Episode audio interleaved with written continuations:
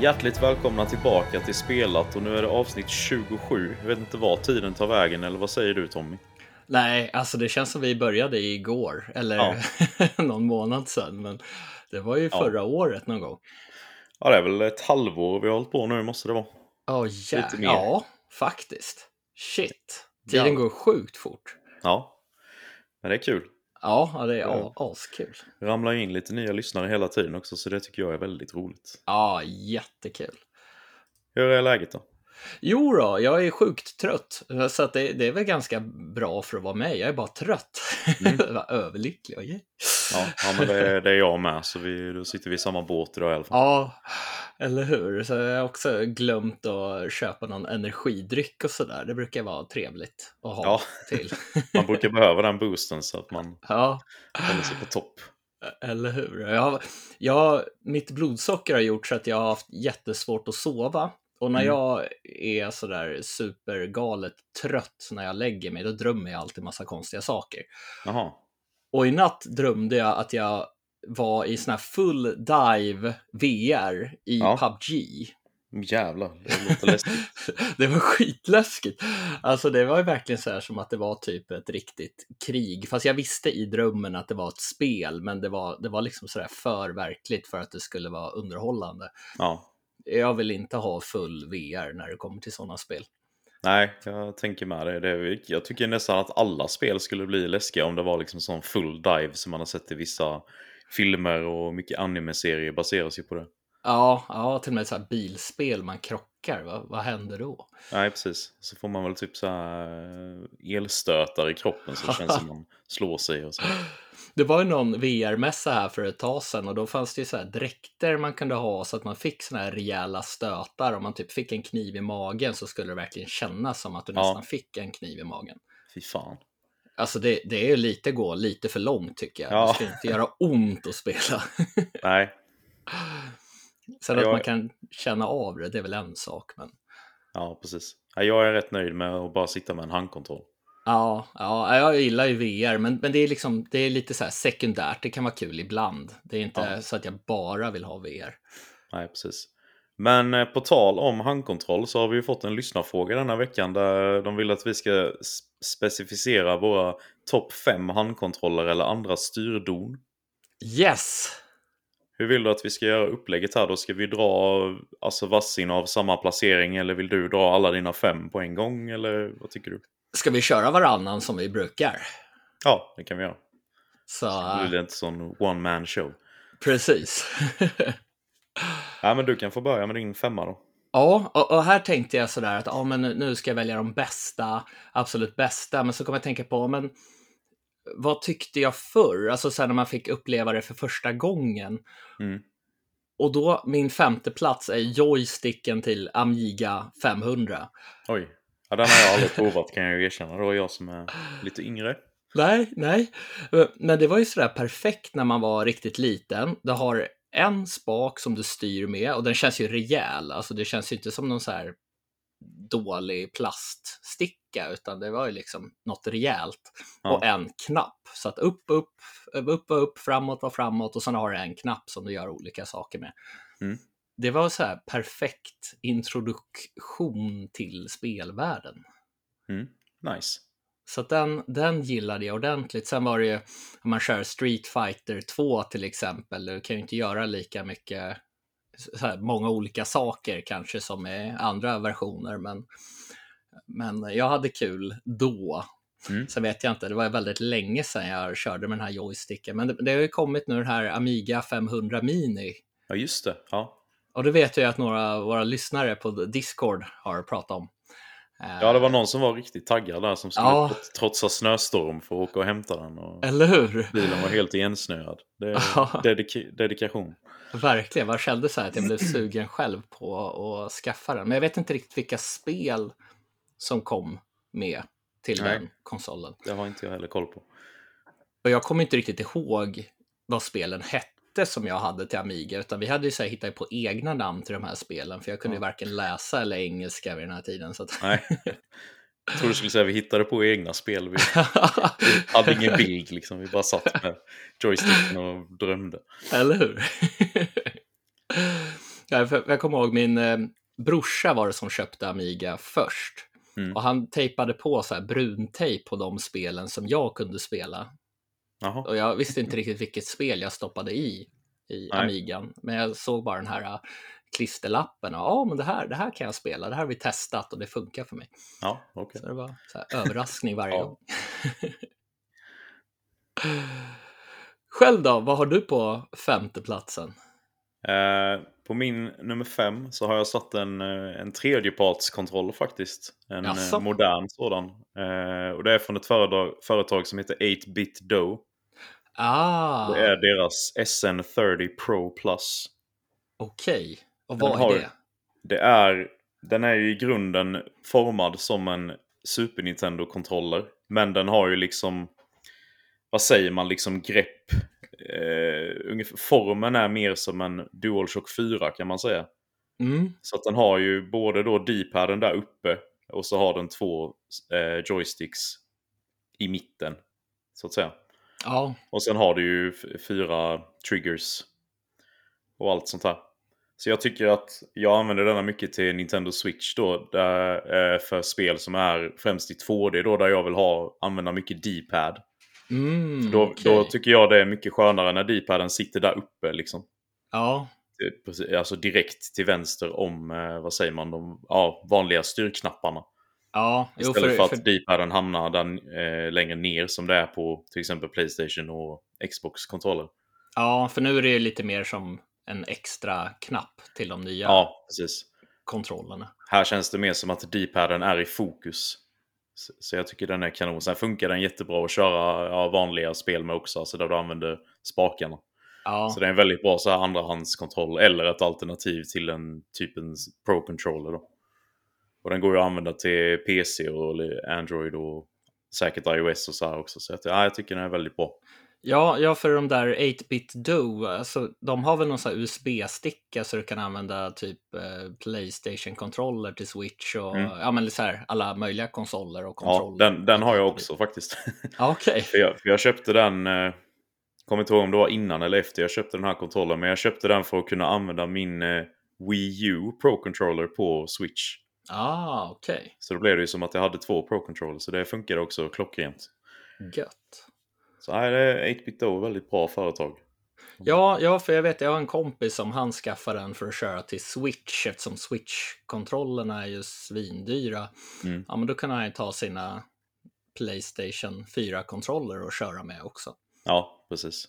Smidigt. Enda nackdelen med den här 8-bit do-kontrollen är att du inte kan eh, liksom starta switchen med kontrollen. Ah, okej. Så då måste du gå, gå fram, om den sitter i dockan, då får du gå fram och trycka på den här lilla strömknappen.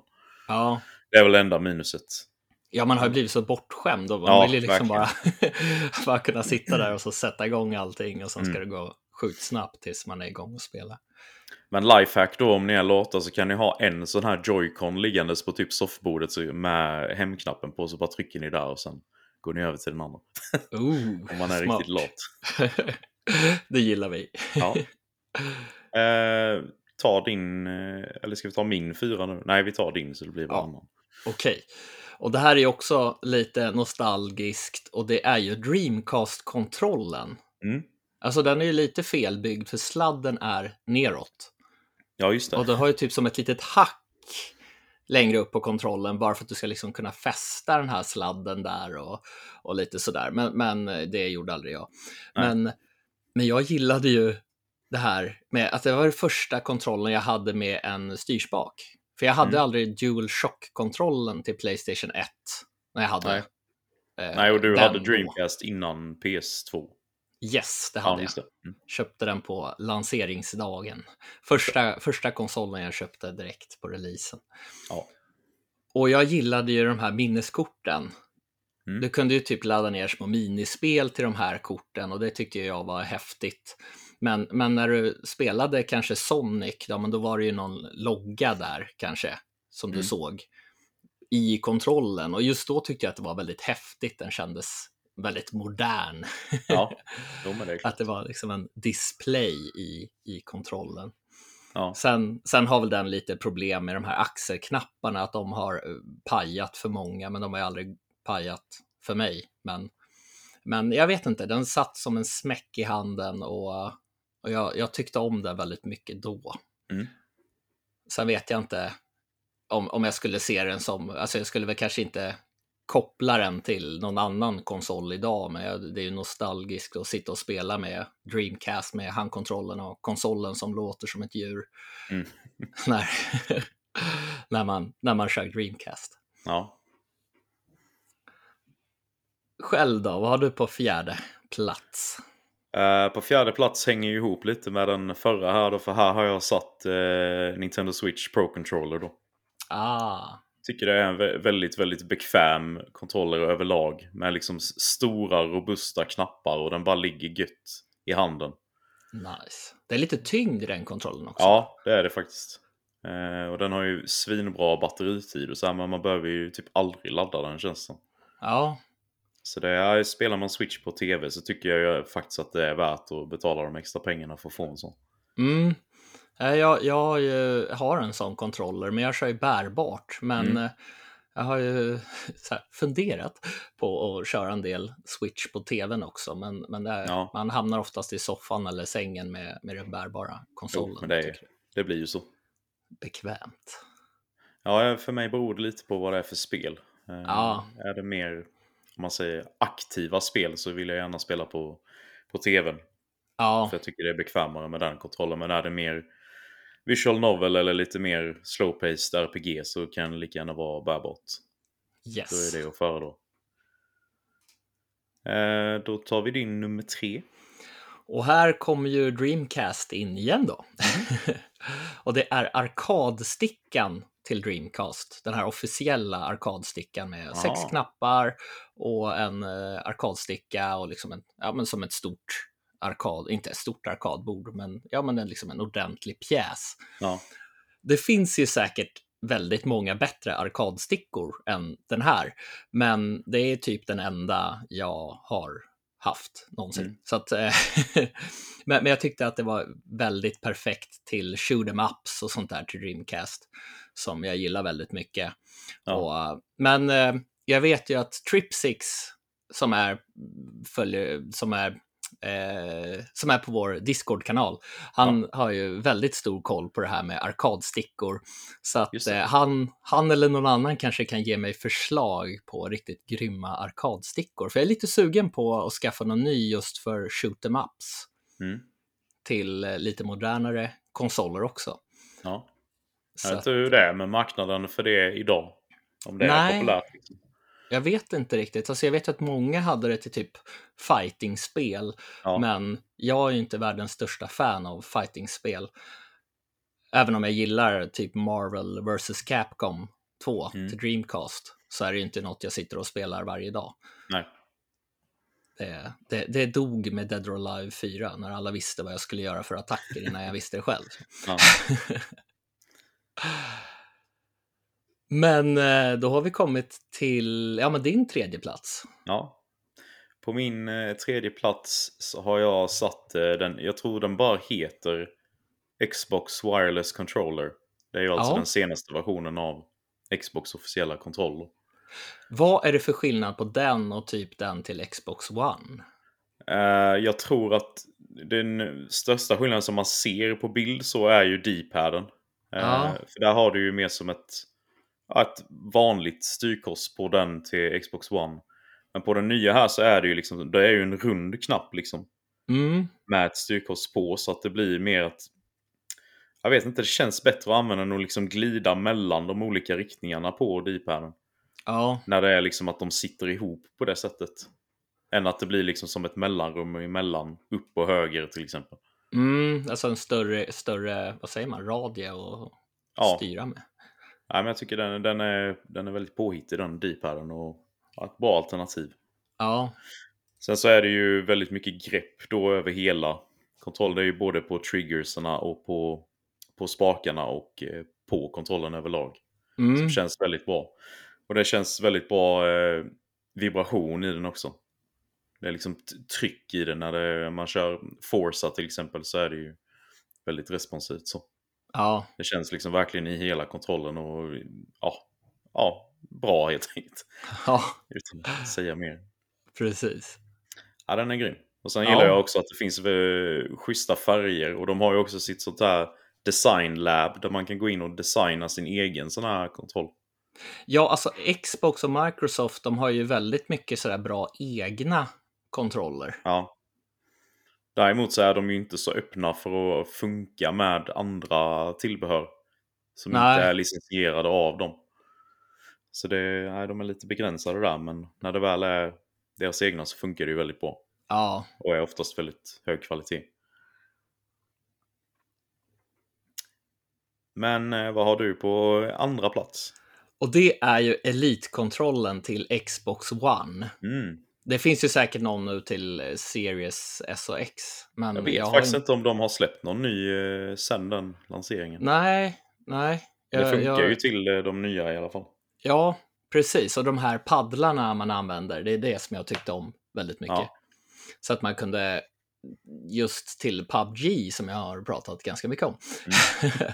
så, så har jag liksom använt de här paddlarna väldigt mycket och jag tycker att de, det känns robust, rob, robust, jag kan inte prata som vanligt, robust. och, och sen har jag för mig att man kunde plocka bort knappar och liksom ändra ganska mycket själv. Mm. Nu har inte jag haft en sån här själv, utan jag har spelat hos en kompis som har haft Ja. den och jag tyckte att den var väldigt bra. Den var ju i, ja, men lite i det dyrare la, liksom dyraste laget för att jag skulle investera i en själv, Ja, kände jag. Men eh, den kändes väldigt, väldigt, väldigt bra till just FPS och sen så första person, eller för FPS säger jag, i och för sig har jag kört mest PubG i tredje person, men Ja. sådana typer av spel där, man, där det är väldigt mycket knappar och sådär för olika saker. Ja. Sen till Call of Duty så, ja men där, där är det kanske inte liksom lika mycket saker man kan göra Nej. med handkontrollen. Men eh, nej, en sån skulle jag vilja se till eh, Playstation 5. Det finns väl något sätt så här som att du kan bygga ihop typ en dual sense-kontroller och skicka iväg och så är det någon som gör löder och fixar och grejer. Men då kostar mm. det 2-3 tusen eller något sånt där. Och det är, eh, nej. Jag har för mig att det finns några så här tredjepartstillverkare som eh, gör några så här. De heter väl inte just Elite Controller men eh, till Playstation 4 och 5. ja, De ska vara liksom mer tyngd i och lite mer robust alltså. ja, som jag förstår det så finns inte det till Playstation 5. Nähä. Och jag antar att det är på grund av ja, funktionerna i DualSense Mm. Som gör att, alltså Playstation 4-spel kan du säkert spela till Playstation 5 med en sån kontroller. Ja, jo, det är klart. Men jag tror inte att det går att spela Playstation 5-spel med annat än just DualSense. Jag kan ha fel.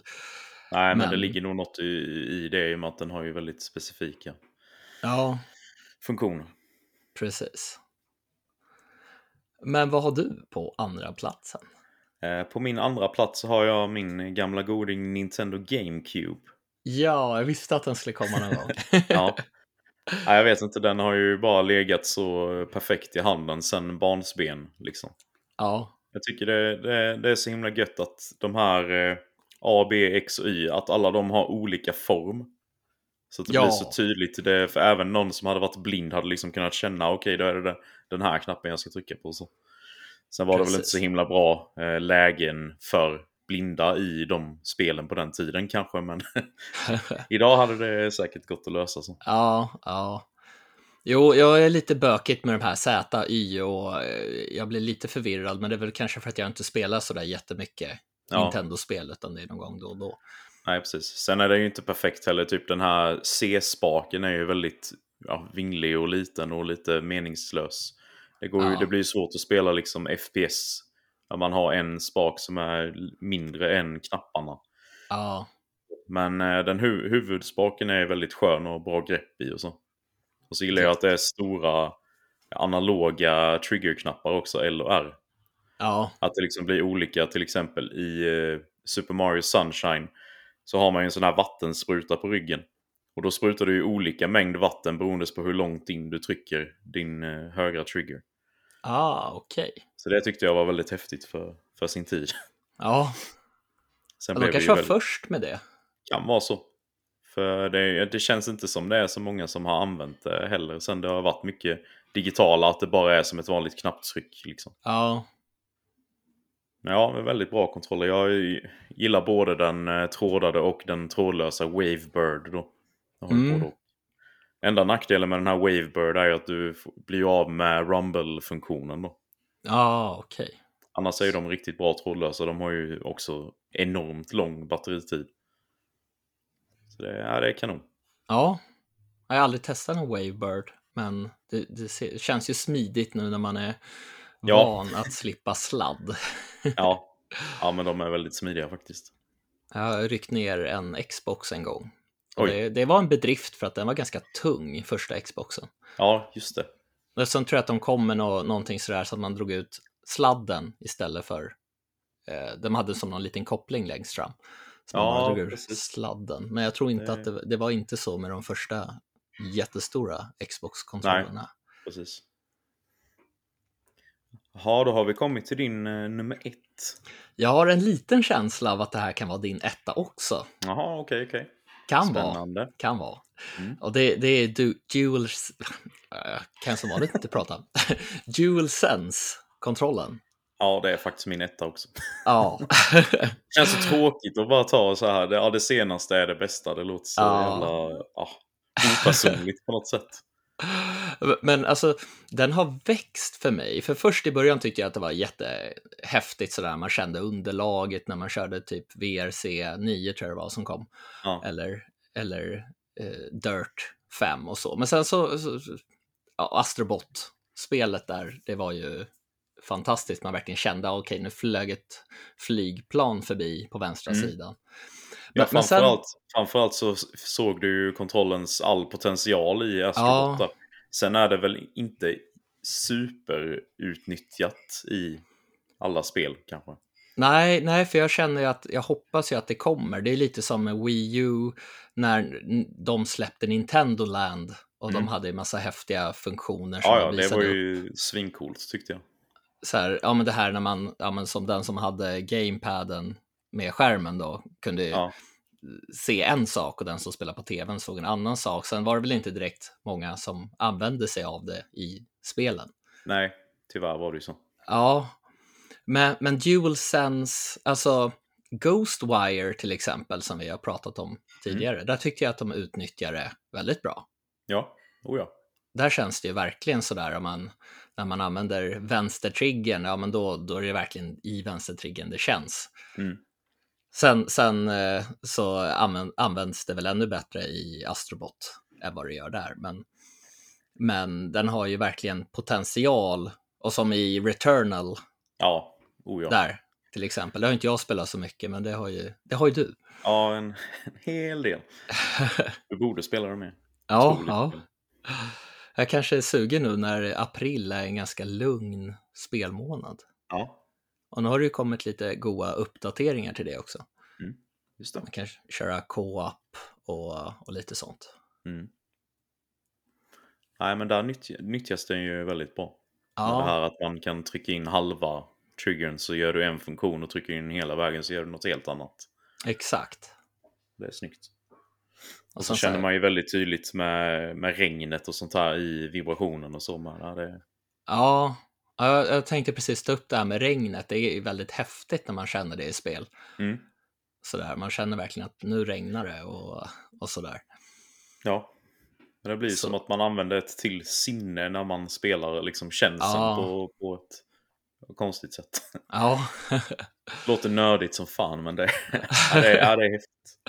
men ibland är det gött när det är nördigt. Ja, sen tycker jag om man nu spelar Playstation 5 med, eh, med högtalare också så gör det ju väldigt mycket med högtalaren i kontrollen.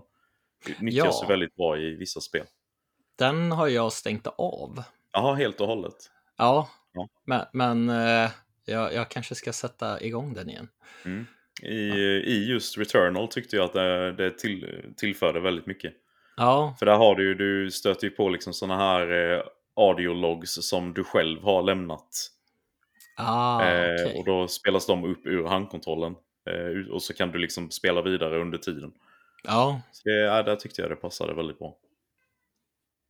ja, det var väl våra, våra favorit, favoritkontroller och styrdon.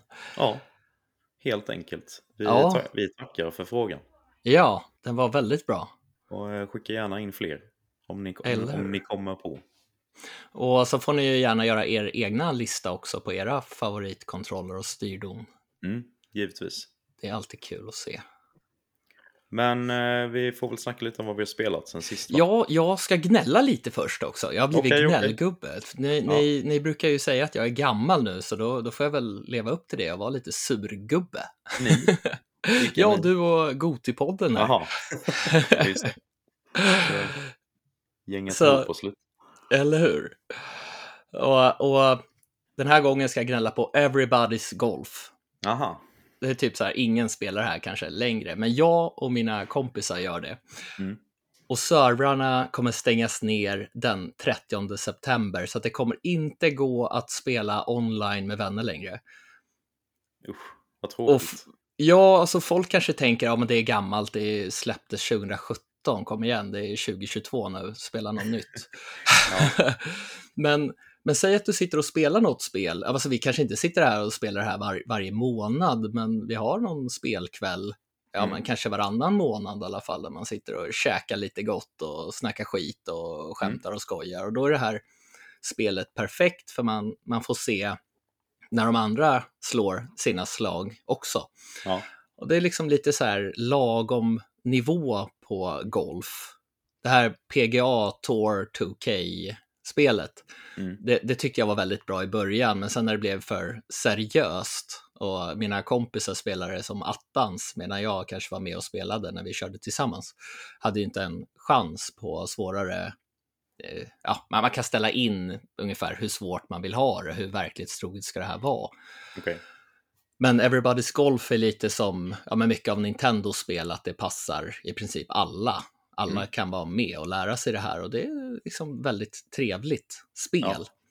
Och när man sitter och spelar det ganska ofta, eller ja, men då och då, då är det ju sjukt tråkigt, servrarna stängs ner och det finns ju inget snack om att det ska komma något nytt Everybody's Golf till Playstation 5 eller sådär. Mm. Och det tycker jag är väldigt dåligt. Sen förstår jag ju såklart att Sony finns ju inte till för att eh, hjälpa mänskligheten, utan det är ett företag som ska tjäna pengar. Så att, men, men det är väldigt, väldigt tråkigt, tycker jag. Du tror inte att det är ett eh, Everybody's Golf 2 under Summer Games Fest då? Jag hoppas ju det. Det hade ju varit sådär perfekt om det, ja, men det släpps den 30 september när servrarna stängs ner. Ja, precis. Eller precis innan. Ja. Nej, då, då hade jag varit glad igen. Mm. Men nu, nu är jag sur. Ja, ja det får du vara. Ja. Men eh, ja, vi har spelat också. Det har vi.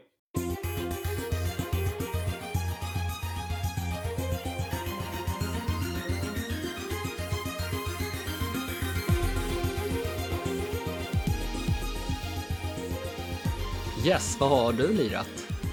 Jag har eh, inte spelat så mycket som jag hade velat. Eh, tyvärr, det har varit en busy vecka.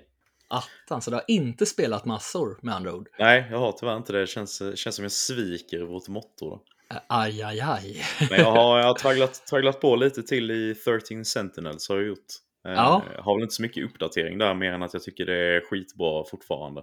Ja, vi, vi tycker fortfarande att alla ska köpa det som, Ja, som precis. gillar bra story. Ja, ja men verkligen. Enda är väl jag tycker med det är att eh, de här visual novel-delarna är hur bra som helst. Sen de här striderna känns lite som att ja, det, det, det är ju väldigt lätt. Ja, Eh, men samtidigt så hade det varit väldigt avancerad eh, RTS-combat så hade det blivit för mycket. mm, Det hade blivit för stort hopp för det hoppar ju verkligen mellan två. Det känns ju som att du spelar två helt olika spel. ja, Men du måste spela båda för att liksom progressa. Precis. De synkar ju inte sådär jättebra. Men samtidigt så tycker jag ändå om att det är lite avbrott Ja, från de visuella novellerna ibland. precis. Nej, jag vet, jag kollade på en, eh, en video idag när några snackade om det och där sa de ju då att han som hade spelat han sa att han hade hellre sett att man, man liksom var kvar i den här visual novel-grafiken och att det kanske Ja. var vanliga eh, turordningsbaserade strider i den stilen. Ja, Och det tror jag att jag hade tyckt hade varit hur bra som helst. Det hade ju inte behövt vara sådär jätteavancerade strider heller, utan mer att det har något mer, vad ska man säga, actionladdat Ja, upplägg bara för att göra det lite mer spännande på något sätt. ja precis. För nu blir det så distanserat när man kommer in i de här RTS-striderna för det blir ju liksom helt annan grafik och så här. Och Exakt. alla detaljer försvinner och ja. Nej men annars så är det fortfarande en otroligt stark rekommendation. Ja, För rätt målgrupp. Eller hur? Det känns som det är som allting vi spelar. Det passar Ja. inte alla. Spelar Nej. vi någonsin något spel som passar alla? Jag tänkte säga Elden Ring, men det passar då fan inte alla. Nej, precis. Men eh, vi har ju båda spelat ett spel eh, den här veckan. Du har nog spelat till och med mer än vad jag har gjort. Trodde jag Ja. inte att det skulle bli så, men det blev Nej, det så. Och det här kan ändå vara ett spel som passar väldigt många i alla fall. ja, det, det känns som ett spel som är gjort lite för att passa väldigt många. Alltså, Ja, passa typ familjer och sådana som spelar själv och sådana som spelar tillsammans med folk. Inte de som spelar tillsammans med folk över nätet däremot. nej, precis. Eh, och det är ju såklart eh, Lego Star Wars The Skywalker Saga. Yes. Som vi har spelat båda två. Eh, det släpptes ju nu den 5 april. Och du har spelat det på P- Playstation 5, Ja, va? Och jag har spelat det på Xbox Series S. Och det är ju då ja, ett legospel som det har väl funnits ett antal innan. ja, Eh, men vad ska man säga, de är väl ändå action-äventyr, får man väl ändå säga. ja. Med lite rollspelstouch, fast ändå inte Ja, precis. på något sätt. Mycket pussel. Det är det ju. Eh, det är utvecklat av ett företag som heter Travelers Tales. Och så är det utgivet av Warner Bros Interactive Entertainment. Och detta är väl eh, det... De här Travelers Tales är väl de som har gjort alla just Star Wars-legospelen. Om jag har fattat det rätt. Den lilla, lilla research jag har gjort. Ja, Det kan inte du ha koll på. det har jag inte koll på. Nej, nej det är lugnt. Det, det kanske inte är någon som bryr sig så jättemycket om det. Men i alla fall, eh, The Skywalker Saga, man får ju, som man hör i namnet så får man ju spela igenom hela den här eh, berättelsen då som sträcker sig över nio filmer. Det är Och, galet. Ja, det är väldigt mycket. Eh, men man får ju välja då eh, vilken eh, trilogi man vill börja i. Eh, men andra och tredje delen i varje trilogi är ju låst från början då. Så man kan ju börja antingen då Episod 1, Episod 4 eller Episod 7. Hur förvirrande var detta för dig som inte har så bra koll på Star Wars? Jag började ju med den enda filmen jag har sett. Mm. Jag tänkte att jag var, alltså jag har sett en Star Wars-film och folk tycker att jag är lite konstig. Men så är det. och det är ju, jag tror att det är Episod 7, nu har jag glömt bort vad den heter. Eh, The Force Awakens. Ja, precis. Och, så jag började ju med det. Mm. Och, och där hängde jag ju med i storyn. Sen Mm. hoppade jag ju till ettan och sen hoppade ja, men jag hoppade runt lite. Ja, okej. Och det var ju väldigt förvirrande och det gick så himla fort också. Helt plötsligt var vi här och nu ska vi över till en annan planet och sen, ja men vi ska tillbaka nu för Ja. det något. Bara? Jo, men det är ju väldigt rappt. Alltså storyn är ju väldigt så här summerad. Eh, Ja. Det går ju fort framåt liksom och så har de ju gjort om en del grejer så att det ska bli lite mer humor i det och så här. Så det är nog svårt att greppa om man inte liksom har, har storyn sen innan. Men, men jag tycker fortfarande att det är kul. Alltså det är Mm. mycket så här, alltså som att, vad ska man säga, Star Wars, alltså gud vad jag pratar dåligt idag. vad är det för fel? Nej. Star Wars. Ja. Alltså har väl en ganska seriös handling ändå, eller har jag fel? Jo, det har det ju. Så, Så, det finns blir det ju, ju vissa komisk touch ibland liksom. Ja. Men, eh, framförallt är det ju ganska allvar. så att det, det blir ju väldigt kul när det är väldigt så här skruvat. Och sen kan det väl vara lite så här, mycket kanske bonk i huvudet hit och dit och, Mm. i den blir slagen. Lite kanske typ tio gånger för mycket, men, men annars är det ju roligt. Och man småler ju mest hela tiden när det är filmsekvenser. Ja, det, det är mysigt liksom. Mysig, Ja. Myshumor. Jag har aldrig sett Darth Vader så här gullig. Nej, precis. Nej, jag har ju, eh, jag har ju spelat detta i co-op då med min sambo. Eh, Och det finns ju bara local co-op då så man kan inte köra detta online med andra. Ja, de och det är ju synd. Ja, det förstår jag för dig, men för mig räcker det gott och väl med local. Ja. Eh, nej, men vi började ju då, vi tänkte att vi ska köra kronologisk ordning 1 till 9. Så vi började ju med Episod 1, The Phantom Menace. Eh, och vi har ju precis kommit till slutet av den episoden. Så mycket mer än så har inte vi spelat. Nej. Men det går också ganska sakta framåt för att eh, min co-op-partner är väldigt glad i att samla precis allt som vi går förbi. Ja, det är Det som tar, eh, väl, väl, ja, det tar väldigt lång tid att ta sig igenom banorna. Eh, men, och det är lite, jag är lite så här. Jag kan tycka det är kul till, till en viss del att samla de här, det är så kallade Mm. Kyber Bricks som man använder för att köpa uppgraderingar. Och då kan man ju dels då uppgradera så här core stats som påverkar alla karaktärer i spelet. Och sen kan du också uppgradera de olika klasserna som eh, alla karaktärer är ju tilldelade en viss klass då. Till exempel Jedi och eh, vad är det med Hero och Scavenger och ja, allt vad det är. Så de kan uppgradera var för sig. Men de här Kyber Bricks då, hur du får tag på dem, de är ju dels så får du ju en för att klara varje sån här story mission. Och sen har du också sån här level, eh, vad säger man? Eh, ja, det är specifika grejer du ska uppnå på banorna. Ja, det det är väl vissa så här typ, ja men upplever du den här storybiten så, så får du typ en, ja men då har du klarat en grej, du kanske har klarat tre, fyra stycken under en Ja. bana. Ja men det är ju lite som, som jag nämnde i eh, Kirby-spelet där. Att det Ja. kan ju vara såna här grejer. Ja, och du kanske hittade den här så hade du fått så hade du fått den men så har du kanske inte lyckats med det. Och sen är det andra grejer, du ska hitta saker som bygger någon lego-grej också. Under Ja men banan. det är ju lite så här pussel på banorna Ja. liksom som du kan lösa så får du en direkt liksom. Eh, och så har du ju också då att du ska samla vanliga bricks en viss mängd. Eh, så går du upp i nivå typ Mm, på hur du klarar banan. Och kommer du upp till tredje nivån då så får du ju tre stycken eller om det är en, jag kommer inte ihåg riktigt. Men det finns i alla fall eh, över 1100 sådana här eh, Kyber Bricks i spelet att samla då. Så det är mycket content. Ja, alltså jag har ju ändå ägnat ganska mycket tid åt eh, att leta efter de här bricksen och lösa pussel Mm. nu. Jag har kört igenom, eh, tror att det är tre eller fyra episoder Ja, och jag har samlat hundra. ja, Så att jag är ganska långt bort från att ha samlat alla. Jag kommer inte göra det heller, men det är ändå kul. Alltså det är ju lite så här finurliga pussel och, och sånt där som man behöver göra för att låsa Ja. upp dem. Och, och lite sidouppdrag sådär för att låsa upp nya karaktärer. Och, Mm. och sen så, så blir ju ganska mycket omspelarvärde för att vissa delar på de här banorna kan du ju inte lösa första gången du spelar, Nej, utan du precis. måste, måste ju köra free play för att ha en viss karaktär. För att, ja, en viss klass är det ofta. ja, ja, Man behöver ha någon precis. karaktär av den klassen för de har specifika abilities. precis. Det är typ som vissa har ju så här grappling hook och vissa har ju att de kan använda någon glider och flyga över ett tak och ja, lite sådana här grejer. Ja, Eller så behöver man ha en jedi med sig då och kunna använda force. eh, Och lite så. ja. Nej men det finns väldigt mycket att göra. Det får man ju ja. säga.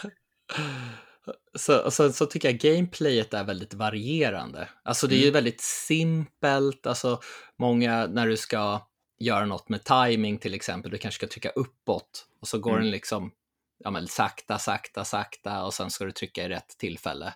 Ja, Det, det är ju väldigt simpelt så att det passar ju väldigt, en väldigt ung publik beroende på om, hur, hur mycket action man tillåter sina barn att, att spela med, eller vad man ska säga. ja.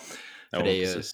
Ganska mycket pang-pang som är, skjuter, skjuter folk, legofolk. Ja. Men jag tycker samtidigt inte att det känns för simpelt för att eh, som oss vuxna ska tycka att det blir icke-stimulerande eller vad man ska säga. Nej, nej, för pusslen kan ju vara lite kluriga ändå, Ja. vissa av dem. Ja, verkligen. Och så har de ju även gjort en revamp på eh, combaten nu då har jag fattat som. Jag har ju inte spelat så mycket tidigare legospel. Nej, nej, Men här har har, du, verkligen. här har du som ett eh, kombosystem då om du spelar som en karaktär som har eh, lightsaber. Så då kombinerar du ju light attacks, heavy attacks och force attacks. Och så får du ju olika bonusar då i bricks eh, ju, ju mer varierande kombo du gör kan man väl säga. Ja. Så det, det gör ju också att man, spel, man tänker på lite hur man spelar istället för att bara button masha. Det kan man ju också göra såklart, men man blir ändå belönad av att variera. Sen är ju kameran bakom axeln här också istället för en mer överblickande kamera. Mm, precis. Och det störde jag mig faktiskt lite på först, för att jag vill ju liksom hitta, utefter varje bana, du ska ju samla ihop en viss mängd pengar för ja. att få bricks. Mm. Och då så, såg man ju kanske inte riktigt alla de här, eh, vad alla pengar och alla secrets och hemligheter på banan var. Nej. Men, men, men eh, det, det, man kommer in i det ganska snabbt ändå. Och jag tycker ändå att den, det, man är mer inne i spelet när man ser den bakifrån sådär än att det ska vara någon snett ovanifrån vy. Ja, precis. Så det, pass, det... det, passar ju bättre när man är de här karaktärerna som har blasters då också, att det blir ja. väldigt traditionellt third person shooter. Precis. Det tycker jag är härligt att det känns rätt snarlikt andra moderna spel. Ja. Sen, sen kan kameran vara lite bökig i vissa stunder, så jag har speciellt mm. upplevt det i vissa minispel och sådär som man har kört. Ja. I själva storyn så har det gått ganska bra, men det är inte jätteofta, men det har ju hänt att man inte ser vad man gör. Nej, precis. Nej, det har vi också varit med om någon gång. Ja. Det har rört ihop sig lite. Men det hade ändå varit till en fördel att vi haft eh, split screen då. För då kan det vara att den är, kameran på den ena skärmen buggar ur men då är man ändå då vid varandra så kan man tillfälligt snegla på den andra liksom. Ja, precis. Ska ju inte det behövas men det hade varit skönt. Eh, men det är ju mat matigt med karaktärer också. Det ska ju finnas 380 eh, spelbara karaktärer i spelet. Ja, det är helt galet. Ja, det måste det... ju vara väldigt lockande om man är väldigt inne i Star Wars. Ja. Och gillar olika karaktärer och åh, den där vill jag köra med. En annan fattar ju ingenting. Det är. Dart Maul eller vad han heter. Ja. Dart Vader, vad var det för skillnad? Nej, Nej, jag förstår det. Men sen är väl många av de här är ju liksom samma karaktär i olika skins. Ja. Så, så, det blir ju ändå väldigt repeterande efter ett tag. Men det är ju inte många som saknas om man säger så. Nej, jag kan sen, tänka mig det. Och sen ska de ju släppa, de släppte ju ett del, DLC-paket här nu i samband med att spelet släpptes. Där, man, där det var karaktärer från uh, The Mandalorian, den här tv-serien då. Ja, om man tycker att det finns för lite i spelet så. Ja, precis. Eh, och så ska de väl släppa några till här nu med de här spin-off-filmerna då. Ja. Har jag fattat som. Eh, får se om, de, om det är någon som köper det, om någon har maxat det redan för det. tar nog ett bra tag att låsa upp alla karaktärer. Ja, jag har inte låst upp sådär jättemånga, men jag försöker, man får ju, man låser upp dem och så vissa får du ändå köpa sen för mynt. Mm när du har låst upp dem och sådär. Ja. Men mynt är ju inget problem, speciellt om man är, är, som jag som försöker samla ihop den här mängden mynt man behöver för att få bricks ja, efter, under varje bana. Så att det, går. Ja. Och, eller man, man får väldigt mycket. Precis. Men, men sen tycker jag att, eh, som sagt tidigare, alltså, gameplayet är väldigt varierat. Jag gillar ju de här luftstriderna. Mm. Vi har de faktiskt inte fått uppleva någon sån ännu.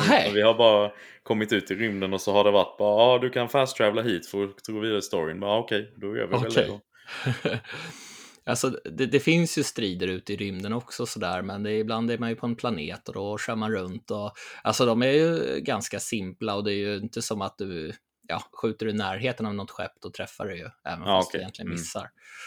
Mm. Men, eh, och sen ibland så ja, man åker liksom mot skärmen och ser fienden bakom sig och så, så ja. ska man skjuta bakåt och akta sig för fienden och sådär. De är ju ganska korta, de jag har spelat mm.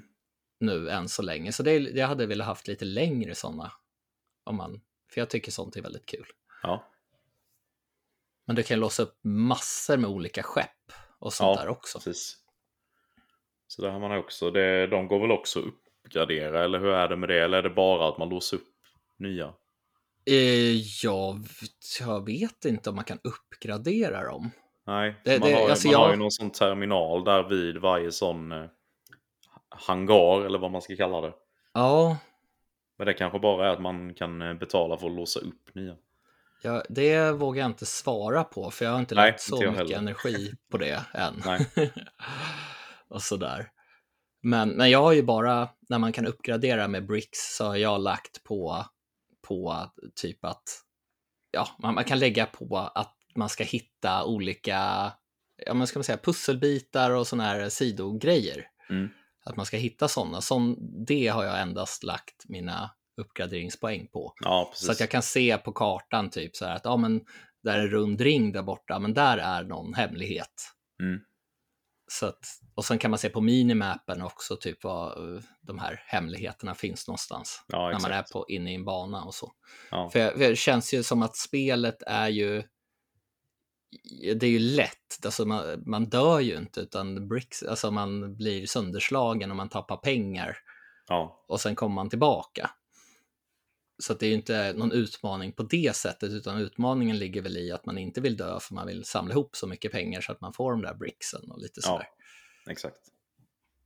Så det passar ju en väldigt stor målgrupp. Ja, precis. Nej, vi har väl främst lagt, lagt eh, uppgraderingar då på att uppgradera att vi springer fortare och att man, Ja. eh, man suger till sig pengar från längre avstånd. Ja, det har jag också lagt uppgraderingar på. Ja, det är väldigt skönt. Ja, man slipper gå på alla sådana eller små, hur?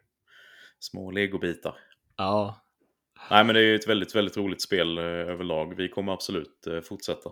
mm, ja jag, jag tycker är väldigt, väldigt kul jag också, även fast jag inte är, liksom, kan någonting om Star Wars. Nej, Så tycker jag att det är kul. Nej och det blir Eh. väl desto starkare då om man är ett fan av Star Wars också. Ja, för ibland kan det vara lite så här att åh, nu ska vi åka till en ny planet och sen är det lite story där och nu ska vi åka tillbaka. Jag bara okej, varför skulle jag åka hit? Nej, ja, precis. och så får man gå med någon gubbe som pratar lite där och sen så ja, men händer någon filmsekvens och sen är det klart och då känns det som lite för mig som inte har sett Star Wars att det känns lite onödig transportsträcka Ja, sådär. Nej, men det förstår jag. Och sen hade jag velat ha alla banor man låste upp i Freeplay. Nu vet jag inte Ja. om det finns, men jag skulle bara vilja ha en lista där jag bara kan välja dem istället för att behöva åka till en planet och sen göra de här, gå in i en level. Jag vill ha liksom en kortare väg till att nå och spela om nivåer Mm. som jag redan har klarat. Mm, det kan jag förstå. Jag har inte testat Freeplay alls än så länge. Så jag vet inte riktigt hur det fungerar. Nej, nej, jag har inte, jag har inte gjort det heller. Men jag har tänkt så här att om jag ska göra det, men det känns som att det blir lite, det tar lite för mycket onödig tid, känner Ja. jag, för att spela om alla. Och så måste du hitta de där platserna där, där de finns. Ja, precis.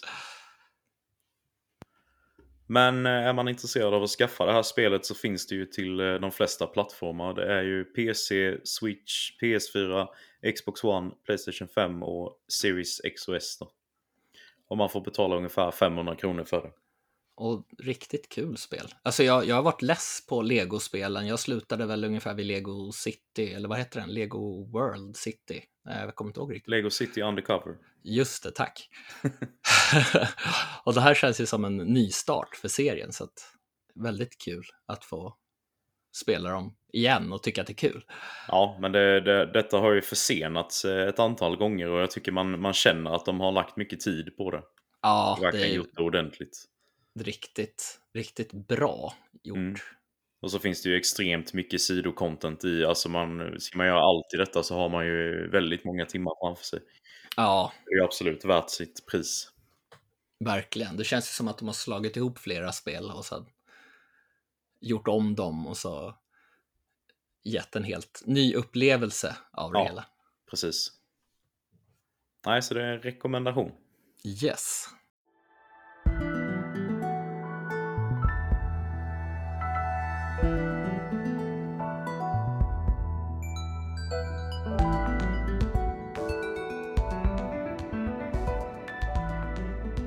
Har du spelat något mer då? Jag som inte hade spelat så mycket. Yes, det har jag. Och det var en ordentlig överraskning faktiskt. Okej? Riktigt sådär wow. Ja. och det är Road 96. ja, just det. Mm. Och det här spelet har ju funnits till PC och Nintendo Switch sedan förra året.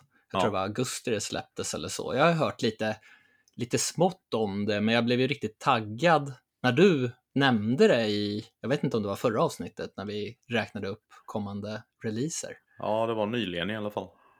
Och det har ju släppts till Playstation 4, Playstation 5 och Xbox One, Xbox Series X och S.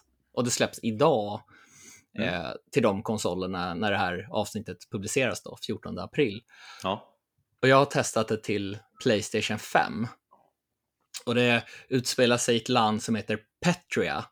Och det, ja, allt är kaos. Ungdomar försöker fly över gränsen, men eh, vägen genom det här landet är verkligen så här fyllt av faror.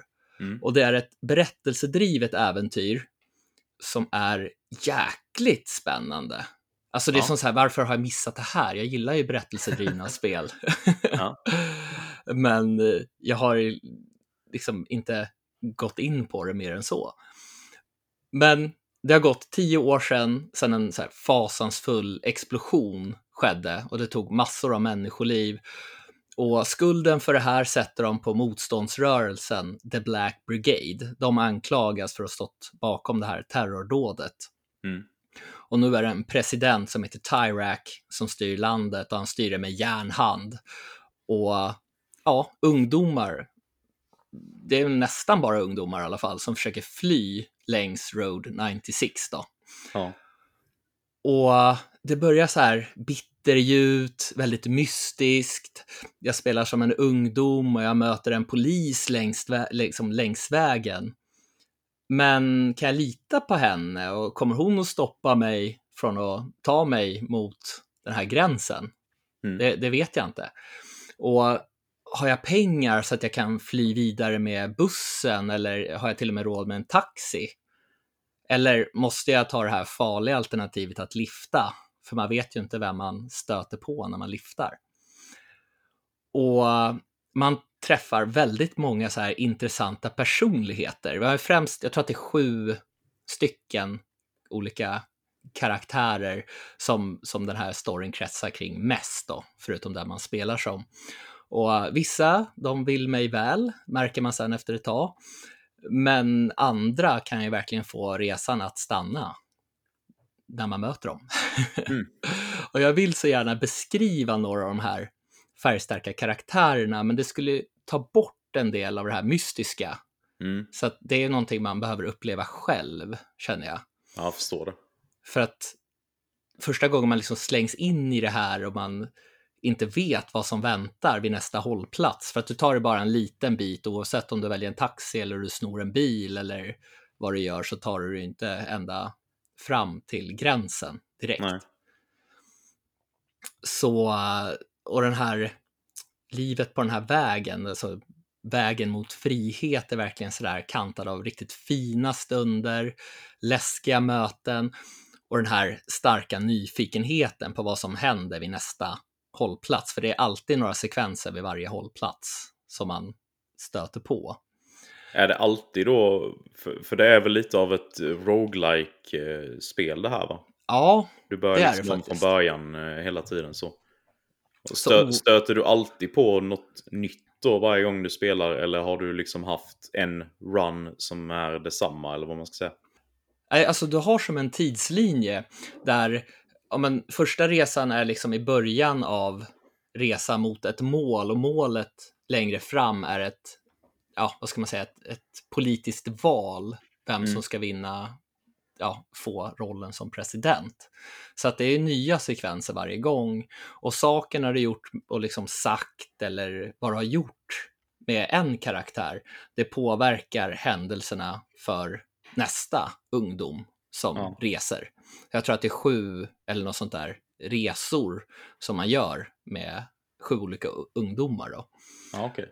Och ibland så kanske man når ända fram och lyckas ta sig över gränsen och ibland så kanske man åker dit innan man tar sig fram. Ibland kanske man till och med dör innan man når gränsen. Mm.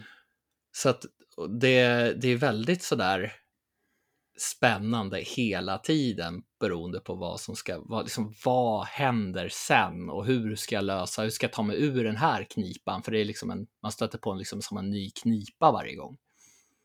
Och varje gång man åker buss eller taxi eller vad man nu gör så förlorar man oftast en del av livet för att det, är liksom, det kanske inte är jättelätt att ta sig fram Nej. på den här vägen. Så det gäller att käka ibland och ibland så kanske man hittar något ställe utomhus och sova. Men eh, vad, vem liksom, stöter man på under tiden man sover? Det vet man inte heller. Så man får hela tiden ta så här, ja, men hur mycket pengar har jag? Har jag råd att göra det här? Och så vidare. Men det tar, det är liksom, all, handlingen fortskrider hela tiden, även om det händer saker på vägen. Mm. Och när jag väl tog mig igenom det här spelet efter texterna hade rullat, alltså jag var ju så tagen av det här och fundera på om jag vill ha ett annat typ av slut då, om jag skulle göra så här och så här och, och hur skulle den karaktären bete sig om jag gjorde på det här sättet? Ja. Då så kommer det upp så New Game Plus efteråt. Mm. Och jag var ju sugen på att starta det här direkt. För jag spelade igenom det här spelet under två sittningar och det är väl ungefär 7 till 8 timmar långt. Ja. Ganska bra med speltid för om man tänker på att det kostar runt 200 kronor digitalt. Mm. Med, med den underhållningen man får. Och sen finns det fysiskt, ja det ligger väl någonstans på typ 289 till ja, 298 tror jag, så att runt 300 kronor där. Då. Ja. Så tycker jag att det är en väldigt, väldigt bra prislapp. Sen att de, man märker att det kanske inte har världens största budget, grafiken är väl inte kanske den allra mest avancerade om man säger så, men jag tycker ändå designen och så här, de har gjort det snyggt. Det är lite så här blandning mellan verklighet och serietidning.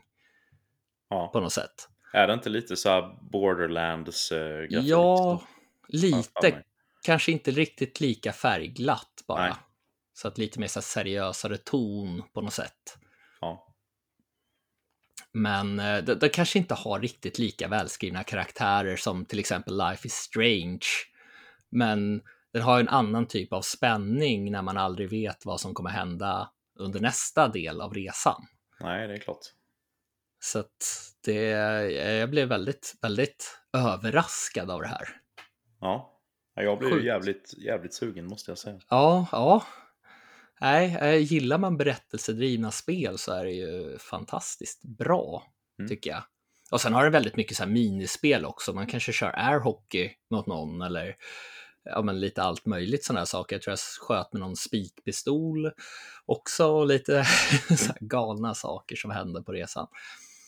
Men det är lite, det är lite så här gameplay att du styr och så här då eller är det liksom Ja. bara att du klickar dig igenom dialogval och så här? Nej, du styr i första person och du ser aldrig den karaktär du spelar som. Utan nej, okej. du, du mer, ja, ja, men du ser det i första person och sen så är man en tjej eller kille som, som ja, är ute på den här resan. Mm. Och eh, vad var det jag skulle säga nu då? Eh, Det är ju också det här med roguelike, att du får vissa färdigheter sen också som du kan använda med nästa karaktär också och nästa och nästa. Jaha. Så till exempel så kanske du har en större chans att övertala folk efter att du har fått en viss grej. Mm. Eller så kan du bryta upp lås någonstans. Och det, kan vara viktigt för att du kanske behöver gömma dig för någon eller ja, du bryter in och snor pengar som du behöver Mm.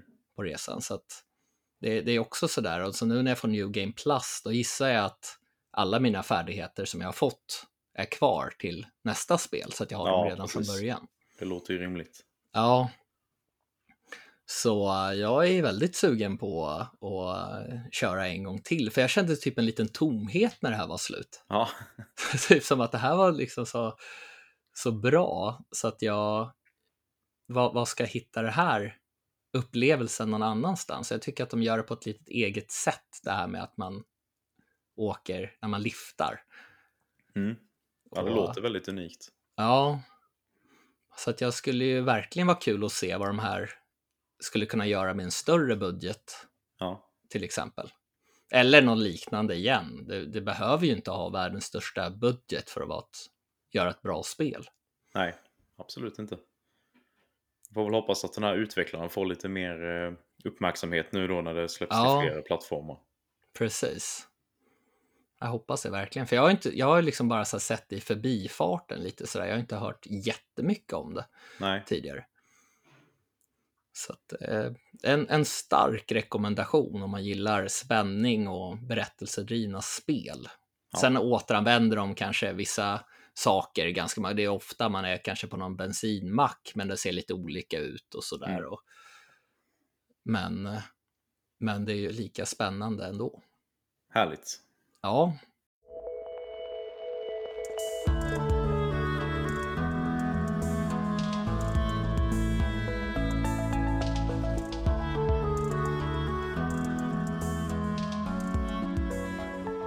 Hur ser det ut framöver då Dennis? Har vi några intressanta releaser att se fram emot? Eh, knappt, kan jag ju Oj. säga. Det är den eh, minsta listan hittills.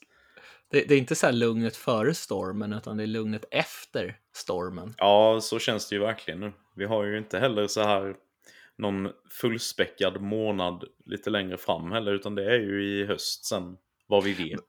Alltså jag, nu har jag glömt bort vad det är som kommer, men jag vet att det är spel i maj jag ser fram emot. Men jag kommer inte ihåg vilket. Nej, det minns knappt jag. Vi har ju Trek to Yomi, är jag ju lite intresserad av det. Ja, det kommer ju i början av maj. Men det var något mer också nu när du säger det. Jag får fundera på det till nästa. ja, Jag skulle dra det nästa vecka och dra en lite mer långsiktig överblick om vad som släpps. ja, precis. När det är lite lugnt så här. Ja. Nu har man chansen att ta igen lite. Mm. Och det kan Spel. behövas efter den rivstarten på året. Ja, Sen har man ju alltid en e- evig backlog också känns. Ja, min är väl på 1500 spel eller något sånt där, så att Mm. jag kommer aldrig ta igen det. Ja. Eh, Men den enda releasen som jag har skrivit upp här nu då är, eh, det är inte ens ett nytt spel heller, men den Okej. 20, 20 april så släpps eh, Star Wars The Force Unleashed till Nintendo Switch. Är inte det det som är typ jätte, jätte, jättegammalt? Det släpptes till i slutet av eh, Playstation 2 eh, kom det till både PS2 och PS3 och 360 och Nintendo Wii. Ja, jag tyckte att det var kul. Jag körde det till 360 minns jag, Ja, men mer minns jag inte. nej. Det är ju, eh, jag har spelat det också för väldigt länge sedan. Det är knappt så jag kommer ihåg det. Det finns ju en tvåa också. Ja, den har jag Eh. för mig att den inte var riktigt lika bra. Ettan var bättre. Precis. Men det är ju lite av, det är ju ett hack and slash kan man väl säga med, med egen story då där man får spela som Darth Vaders eh, hemliga apprentice.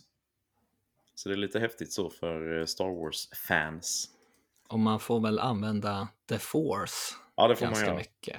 Den är unleashed kan man säga. Ja, eller? Eh, ja, men det är ju mycket så här man får uppgradera olika force powers som eh, lightning och det är ju mycket så här mörka krafter får man ju använda här. Ja, Eftersom man spelar som en Sith apprentice.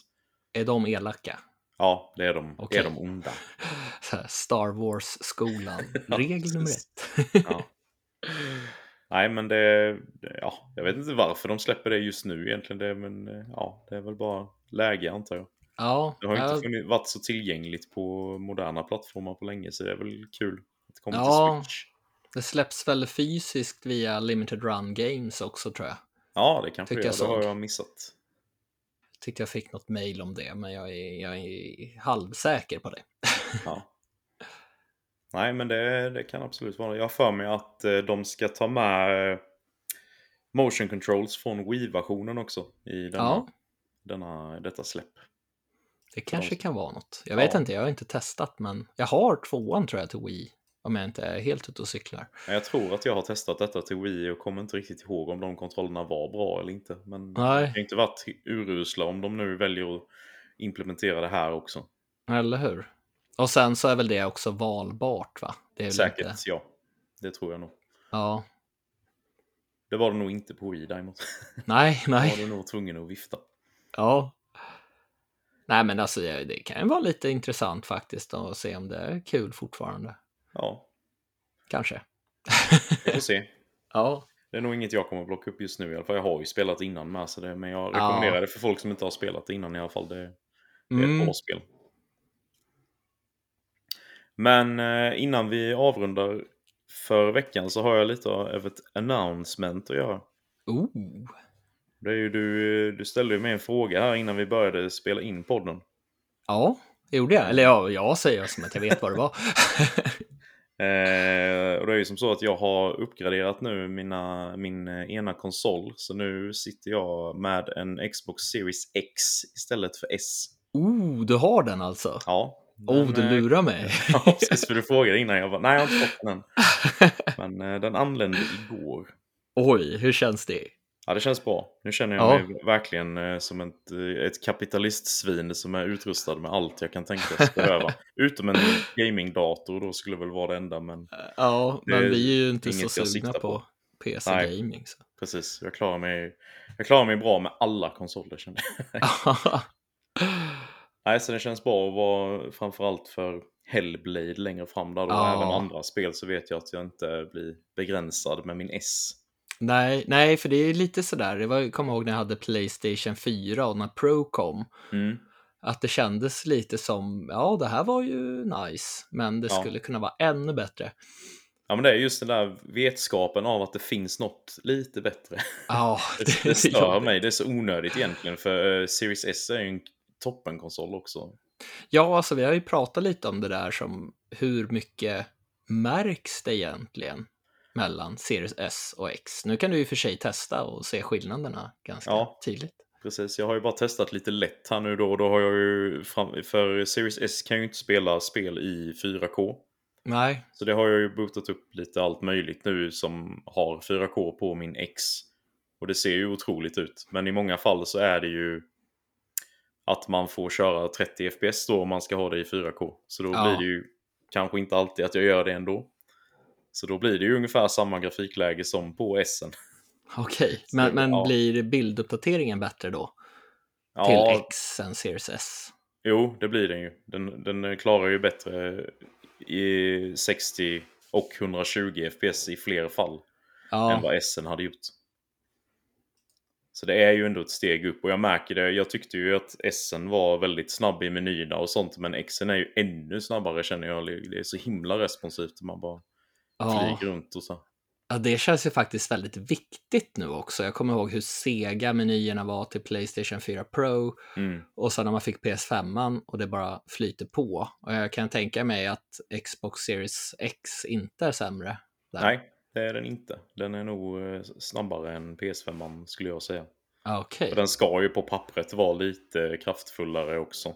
Ja, det är väl mest eh, SSD-hårddisken i PS5 som är, vad ska man säga, starkare, eller vad Ja. man säger, Det kan vara så. än Xbox. Annars ska väl Series X vara den starkaste konsolen. Ja, de marknadsför ju den som det är i alla fall. Ja, Då får man väl anta att det ligger någon sanning bakom det. precis. Men det jag tänkte eh, gå ut med här nu då att jag tänkte ge våra lyssnare möjligheten att få köpa min Series S om det är någon som vill det. Ah, Till ett eh, väldigt bra pris. Så jag tänkte att eh, man, om man vill så får man köpa den för 2000 kronor jämt. Den kostar ju ungefär eh, 3 5 3 6 ny. Och den är i väldigt bra skick. Den har originalkartong och kvitto och allt.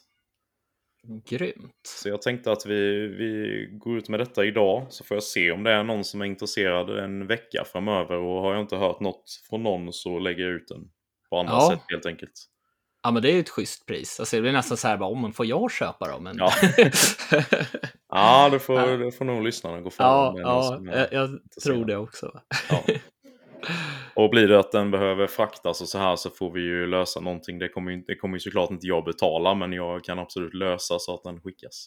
Ja, Och eh, kan mötas på halvvägs om det är någon som bor en bit ifrån men inte, inte som du och bor eh, jag vet inte hur många mil vi har emellan varandra. Nej, nej, jag och geografi Nej, är väl ungefär lika bra som mitt uttal ja, på saker och ting. precis.